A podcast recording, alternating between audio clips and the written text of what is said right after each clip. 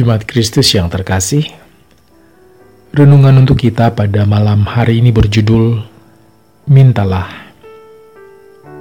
Dan bacaan kita diambil dari Matius 7 ayat 7 sampai 11. Beginilah firman Tuhan. Mintalah, maka akan diberikan kepadamu. Carilah, maka kamu akan mendapatkan. Ketoklah, maka pintu akan dibukakan bagimu.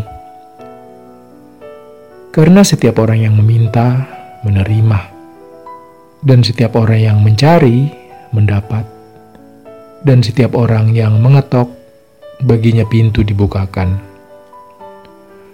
Adakah seorang daripadamu yang memberi batu kepada anaknya jika ia meminta roti, atau memberi ular jika ia meminta ikan?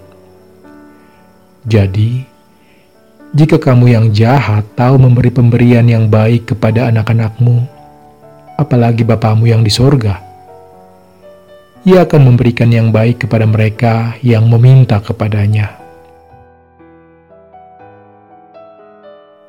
Salah satu isi dari doa-doa kita pastilah rentetan permintaan kita kepada Tuhan.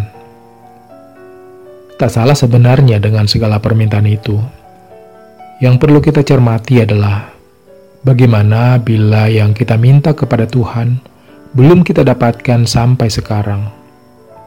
Apakah kita kecewa? Yang sering tidak kita sadari adalah sikap dan cara kita meminta kepada Tuhan.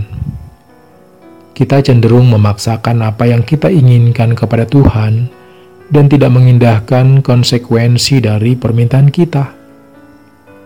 Mari kita renungkan. Apakah semua permintaan kita adalah hal yang benar-benar kita butuhkan?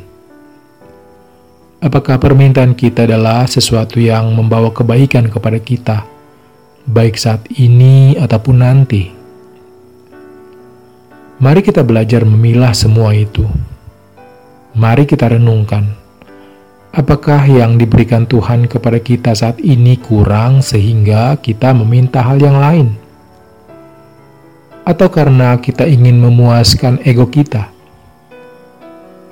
Sebaiknya kita mengganti semua permintaan kita itu dengan rasa syukur akan pemeliharaan Tuhan yang senantiasa hadir dalam hidup kita.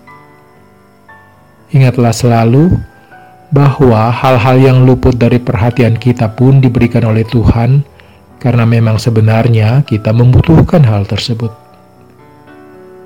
Oleh karena itu, Kalaupun ada satu dua hal yang kita minta, hendaklah itu kita sampaikan dalam kerendahan hati, hormat, dan tidak memaksa.